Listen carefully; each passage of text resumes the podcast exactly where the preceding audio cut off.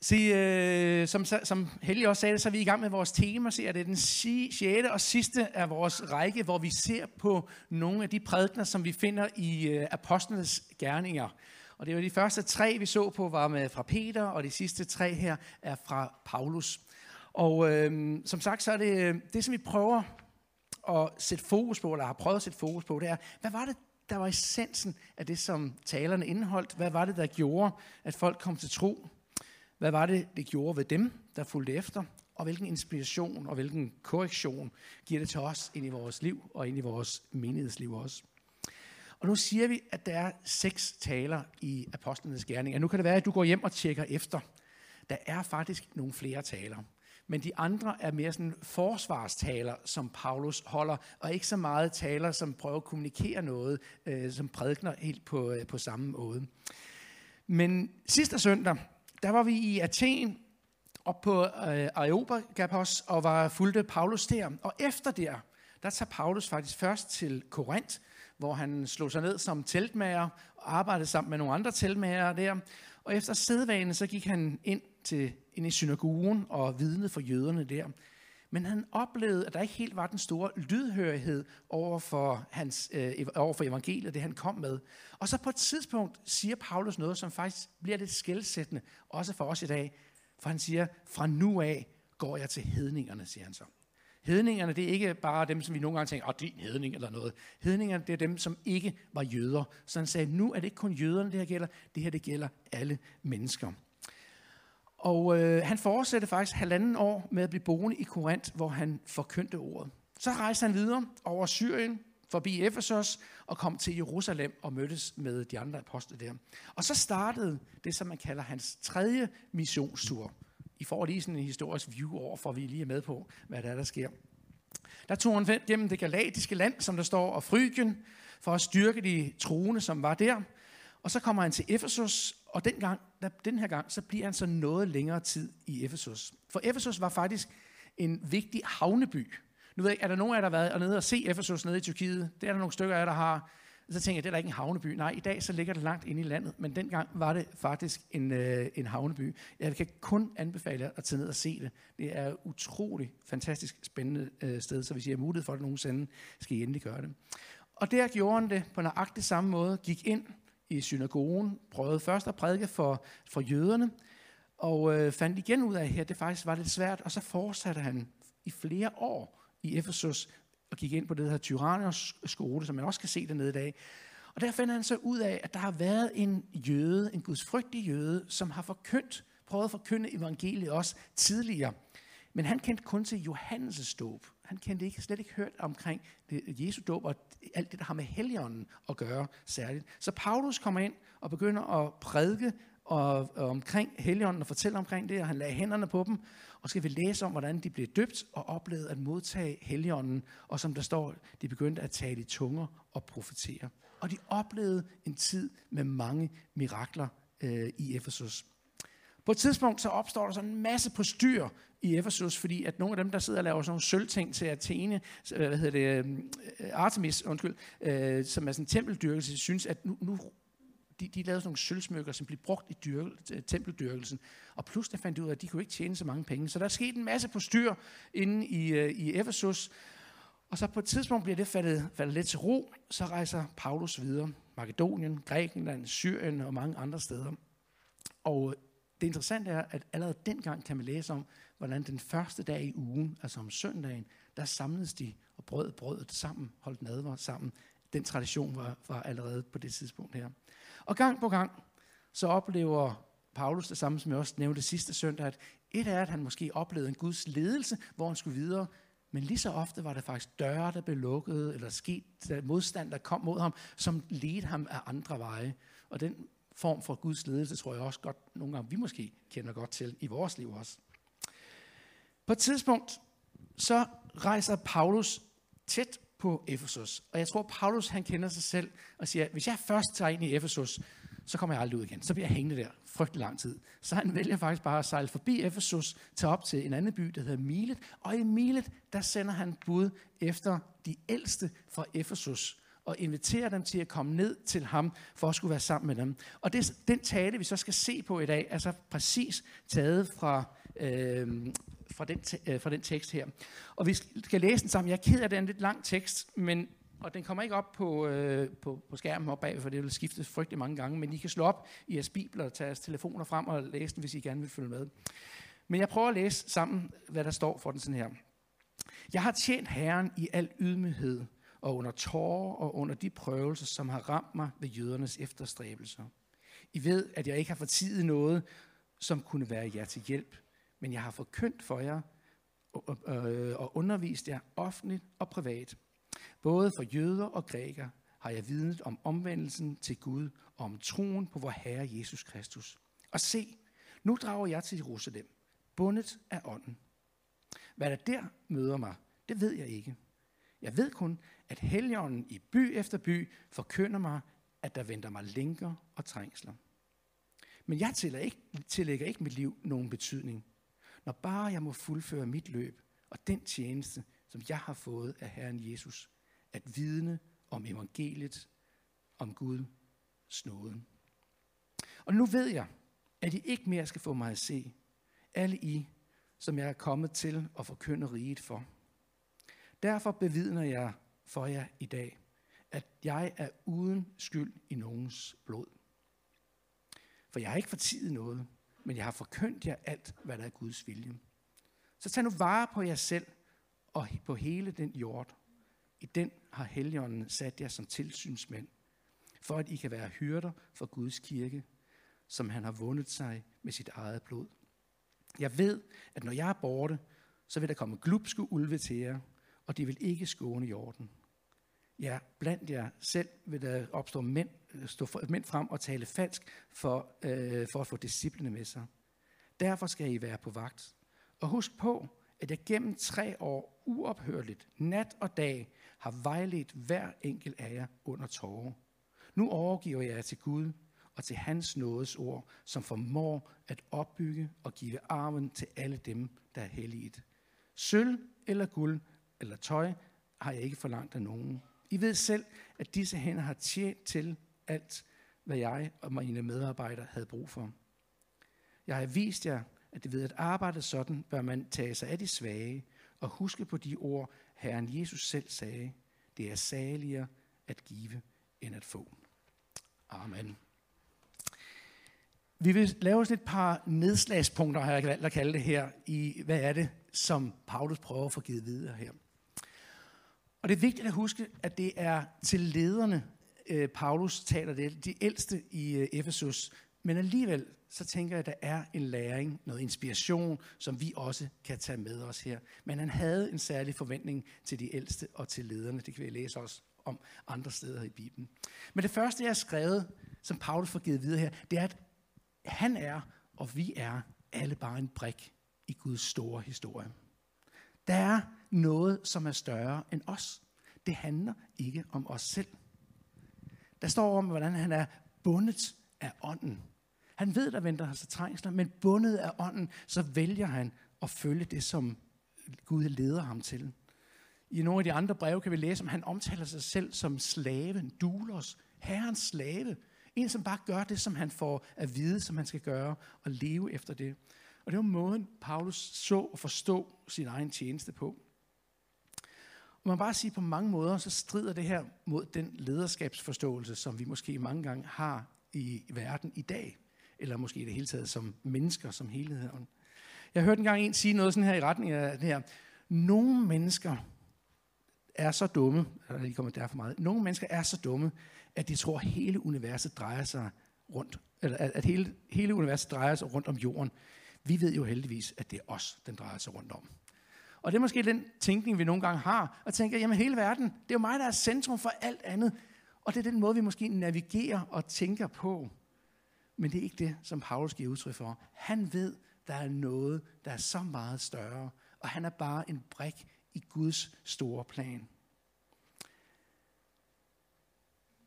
Selv kirken, eller vejen, eller dem, som fulgte vejen, som de blev kaldt i den første tid, der oplever vi måske også nogle gange det her, at vi glemmer at se det, at vi faktisk bare er bundet af ånden til at gøre det, som Gud han leder os til.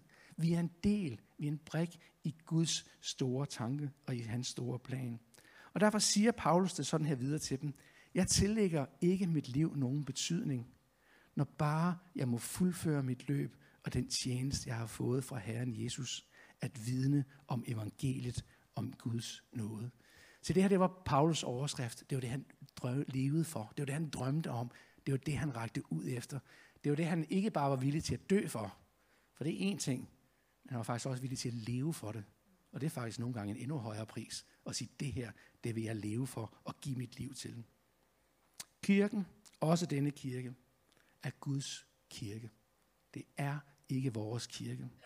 Vi kan få lov til at tjene med i Guds store plan, i hans store historie. Og ved I hvad? Det begejstrer mig.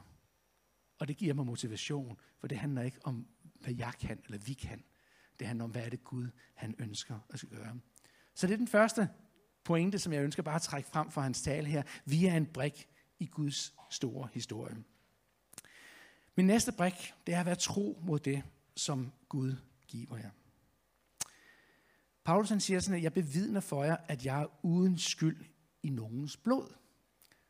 Det kan godt være sådan en lidt, lidt, lidt mærkelig øh, formulering, som vi tænker, hvad er det, Paulus mener med det? Har, er der nogen, der beskylder ham for at have slået nogen ihjel, at han ligefrem, øh, eller de begynder at bløde på en eller anden måde? Det er ikke det, er ikke det der handler om. Paulus han taler her ud fra et eksempel fra Ezekiels bog, som vi finder i det gamle testamente, hvor Ezekiel har et syn, hvor han oplever, at Gud kalder ham til at sætte ham som vægter i en by. En vægter var dem, der gik rundt op på murene og holdt øje med, om fjenden kom. Og så, siger der, øh, så fortæller Gud ham i det her syn her, jamen hvis fjenden kommer, og hvis du ser en uretfærdighed, så han laver sådan en parallel over til det her, og ikke gør opmærksom på, at det her det er uretfærdigt, at det er forkert, det der gør her, så vil jeg kræve deres blod. De vil komme til at dø i deres uretfærdighed. Så vil jeg kræve deres blod af dig, fordi du ikke har advaret dem. Men hvis du advarer dem, og de så vælger ikke at høre, så er det ikke din skyld. Du har gjort det, som du skulle. Og det er det, som Paulus refererer tilbage til, den forståelse og det billede her. Så han siger, at jeg har givet jer alt det videre, som jeg også har fået fra Gud. Og jeg ved, at det er i deres egen interesse, fordi det er for deres, jeres livs skyld, jeg har sagt de her ting. Det er derfor, jeg har peget på, hvad der er rigtigt og forkert. Fordi jeg ønsker, I skal få lov til at finde livet på samme måde, som jeg har fundet det. På den måde, som jeg har oplevet det også. Og Paulus taler særligt til lederne her. Men jeg tror også, der er et vigtigt princip for os alle sammen med dem. Og nu skal vi passe på, fordi misforstå mig ikke. For det handler ikke om, at vi skal gå rundt med en løftet pegefinger over for hinanden. Det er ikke det, som ligger i det, som jeg siger. Det handler ikke om, at vi som kirke, som vi desværre ofte har været kendt for, at fordømme alt og alle omkring os. Det er ikke det, det handler om. Men jeg tror samtidig godt, at vi kan blive bedre til at hjælpe hinanden gennem vandringen i livet. Ved at hjælpe og støtte hinanden, og også nogle gange vejlede og retlede hinanden. Som vi så på det sidste søndag, så talte Paulus om, at vi, vi famler os alle sammen frem. Og det er den her famlen frem, jeg sad og tænkte på det, vi skulle måske lave sangen om, nu famler skoven i stedet for. Nu famler menigheden. Det kan være, at vi skal få nogen til at skrive sådan en sang i det her. For det er det, det handler om nogle gange. Vi famler os frem. Men hvor må det være godt, hvis vi kan få lov til at hjælpe og vejlede og retlede hinanden på den her vandring. Og det kræver typisk en god relation, at vi har en taleret ind i hinandens liv, inden vi begynder at gøre det. Og det er spørgsmålet, hvad er vores motivation? så vi ønsker at vejlede hinanden. Om er det at løfte en pegefinger og dunke den anden i hovedet, så lad være. Hold dig langt, langt væk fra det. Men hvis det er fordi, du elsker din bror eller din søster, oprigtigt hjerte kan sætte dig ned og græde over den person, og er klar til at måske bruge timer i bøn for ham eller hende, inden du overhovedet taler med hende, så kan det være, at du er klar til at være med til at vejlede og retlede. Det er ikke noget, der står direkte i Bibelen på den her måde, men jeg tror, at testen kan være god for os. Vi har ikke brug for livsanmeldere og løftede pegefingre, men vi har brug for mennesker, der rykker tæt sammen. Kom, lad os vandre sammen. Lad os finde Guds vej sammen gennem livet. Så vær tro mod det, som Gud også har givet dig. På samme måde, som Paulus også kan sige det. Jeg har givet det videre, som jeg har oplevet, jeg også har fået. Og han var klar til at betale prisen. Mit sidste punkt, jeg har sat på her, det er, pas godt på jer selv og på hinanden. Paulus han udtrykker det sådan her i vers 28. Tag vare på jer selv og på hele jorden. I den har Helligånden sat jer som tilsynsmænd, for at I kan være hyrder for Guds kirke, som han har vundet sig med sit eget blod. Igen, så er det særligt, at han taler til lederne her, men jeg tror, der også er en læring i det til os. At vi lærer at passe godt på hinanden, og vi lærer at passe godt på os selv. Dobbelthed. Det er begge dele.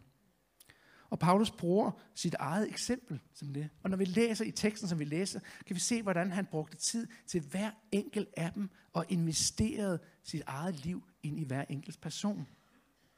Han siger, jeg har ikke fortiget noget, der kunne være jer til hjælp, men jeg har undervist jer, både offentligt og privat. Det vil sige, han har mødtes med dem, hjulpet dem afsted på vejen, vejledt dem og retledt dem. Og apropos det, vi talte om før, om er vi klar til også at kunne græde for dem, vi ønsker at vejlede, så siger Paulus faktisk sådan her, husk på, vers 31, at jeg gennem tre år uophørtelig, dag og nat, har vejledt hver enkelt under tårer. Det har ikke bare været en formynderisk far. Det har en af dem sagt, jeg ønsker det allerbedste for dig, min søn. Jeg vil investere nat og dag, alt hvad jeg kan give, ind i at være med til at hjælpe og vejlede dig. Han har haft den enkelte for øje. Men Paulus går så også videre og nævner specifikt de svage. Dem, der måske har brug for ekstra opmærksomhed, for ekstra omsorg. Og så henviser han til Jesu egne ord og siger, at det er saligere at give end at få. Det er saligere at give end at få. Jeg var inde og høre Bente Klarlund her for noget tid siden sammen med min kære kone. Jeg har fået det i, i, i, i fødselsdagsgave, og hun er overlæge og professor på Rigshospitalet og har sat fokus på, på sundhed, og hvad er det, der skal til at for, at mennesker trives. Og hun siger sådan her på et tidspunkt, lykken kan købes for penge. Det siger vi ellers altid, det kan man ikke. At bruge penge kan gøre os lykkelige, men kun hvis vi spenderer dem på andre og ikke på os selv. Interessant. Et status, som hun kommer med eller udmelding her. Det stof, som gør, at vi føler lykke i vores liv, eller føler den her, får følelsen af lykke. Nu kan jeg ikke lige huske, hvad det hedder. Jeg skal ikke komme ind i tekniske termer. Der sidder nogen, der ved langt mere omkring det her. Men jeg ved, at man taler om, at hvis du giver noget til andre, så den følelse af lykke, som du oplever, den forbliver dobbelt så lang tid i kroppens system, end hvis du laver noget, som bare giver en lykke til dig selv. Er det ikke interessant? For det er ikke nøjagtigt det samme, som der bliver sagt, når der siger, at det er saligere at give, end at få. Jesus han vidste godt. Ikke så mærkeligt. Han vidste godt, at det er sådan, det forholder sig. Det er saligere at give, end at få. Så lad os passe godt på os selv. Lad os passe godt på hinanden. Lad os omslutte og hjælpe hinanden i vores famlen frem. Og så kan vi læse videre, at der står, at da Paulus havde sagt det, knælede han og bad sammen med dem. Alle bræst i gråd, og de faldt Paulus om halsen og kyssede ham. Det, der smertede dem mest, var hans ord om, at de aldrig mere skulle få ham at se, og så fulgte de ham til skibet. Paulus overlader dem i Guds hænder og siger, nu har jeg gjort, hvad jeg kunne. Og på samme måde er det også nogle gange i vores liv. Vi må investere i menneskers liv, men vi kan ikke føre dem hele vejen. Der er også et ansvar, som de selv har, og der må også være nogle andre. Gud sender os i nogle andre, som vil drage om, hånd, øh, hånd og omsorg for de mennesker. Som sagt, så er der flere taler. Det var forsvarstaler, som, som fortsatte øh, efterfølgende i apostlenes gerninger. Men det, der kendetegner dem alle sammen, det er, at det handler om, Paulus fortæller om, hvordan han er forblevet tro imod sit kald, og ikke vede fra det. Til trods for, at han vidste, at der ville komme modstand, og der ville komme trængsler. Han vidste, at han var bundet af ånden. Og når vi læser videre i Apostlenes Gerninger, og kommer helt frem til det 28. kapitel, som er det sidste kapitel, de sidste, aller sidste vers, sidste to vers i Apostlenes Gerninger, det er den sidste gang, vi i Bibelen hører om, om, om Paulus øhm, og hans vej her, der står der sådan her, Paulus blev nu hele to år i sin lejede bolig, og tog imod alle dem, der var kommet til ham. Han er kommet til Rom på det her tidspunkt, øh, og så, så står det her, han prædikede om Guds rige og lærte dem om Herren Jesus Kristus med fuld frimodighed uden hindring. Paulus fortsatte. Han bar det her videre i sit hjerte. I den forgangne uge, så ringede jeg til en, en, øh, en ældre dame fra, jeg ved faktisk ikke, om hun har været med i menigheden her, eller var med. Hun var i hvert fald med til at skrive vores, vores den her historie, som blev lavet for nogle år tilbage, bykirkens historie. Øh, jeg skulle have nogle oplysninger, og så fandt jeg til sidst frem til hende, og fik et telefonnummer til hende. 94 år gammel. Øh, kunne høre meget, meget lidt. Øh, så, så jeg, jeg skulle stå og råbe i telefonen flere gange, og til sidst så blev det sådan, at jeg skulle bare sende en, en mail til hende, for så kunne hun bedre ligesom, læse, hvad det var, og høre, hvad det var, og kunne svare, svare på mine spørgsmål. Men hun fortæller så, den her kære, skønne dame her, at hver uge, så sendte hun stadig et nyhedsbrev ud. Og så et nyhedsbrev. Og så tænkte jeg, en 94-årig dame, hvad, hvad sender hun ud af nyhedsbrev? Altså, hvad er det lige, der er sket i løbet af ugen? Som... Og så siger hun så, fortæller om, hvad Gud han gør. Og det er den måde, jeg kan give det videre på, siger hun så. Jeg har 282 på min liste, som jeg sender til. Og så, de har godt nok ikke sagt, at de gerne vil have det, men de har heller ikke sagt nej. så, så hver uge sender hun det her ud. Og så siger jeg, hold op, hvor er det sådan en skøn dame. Hun kan stort set ikke høre noget som helst, men sætte sig ned og sidde og skrive ud omkring Guds trofasthed og give det videre. Hold op, hvor det brændte i hendes hjerte. Og man sidder og tænker, wow, sikke en kvinde, der bare har lyst til at give det videre, som hun også havde fået lov til at opleve i sit liv. Blot til inspiration og til opmuntring til os alle sammen. Hvad skete der så med kirken og med de kristne i Efesus? Hvad blev det med tiden bagefter?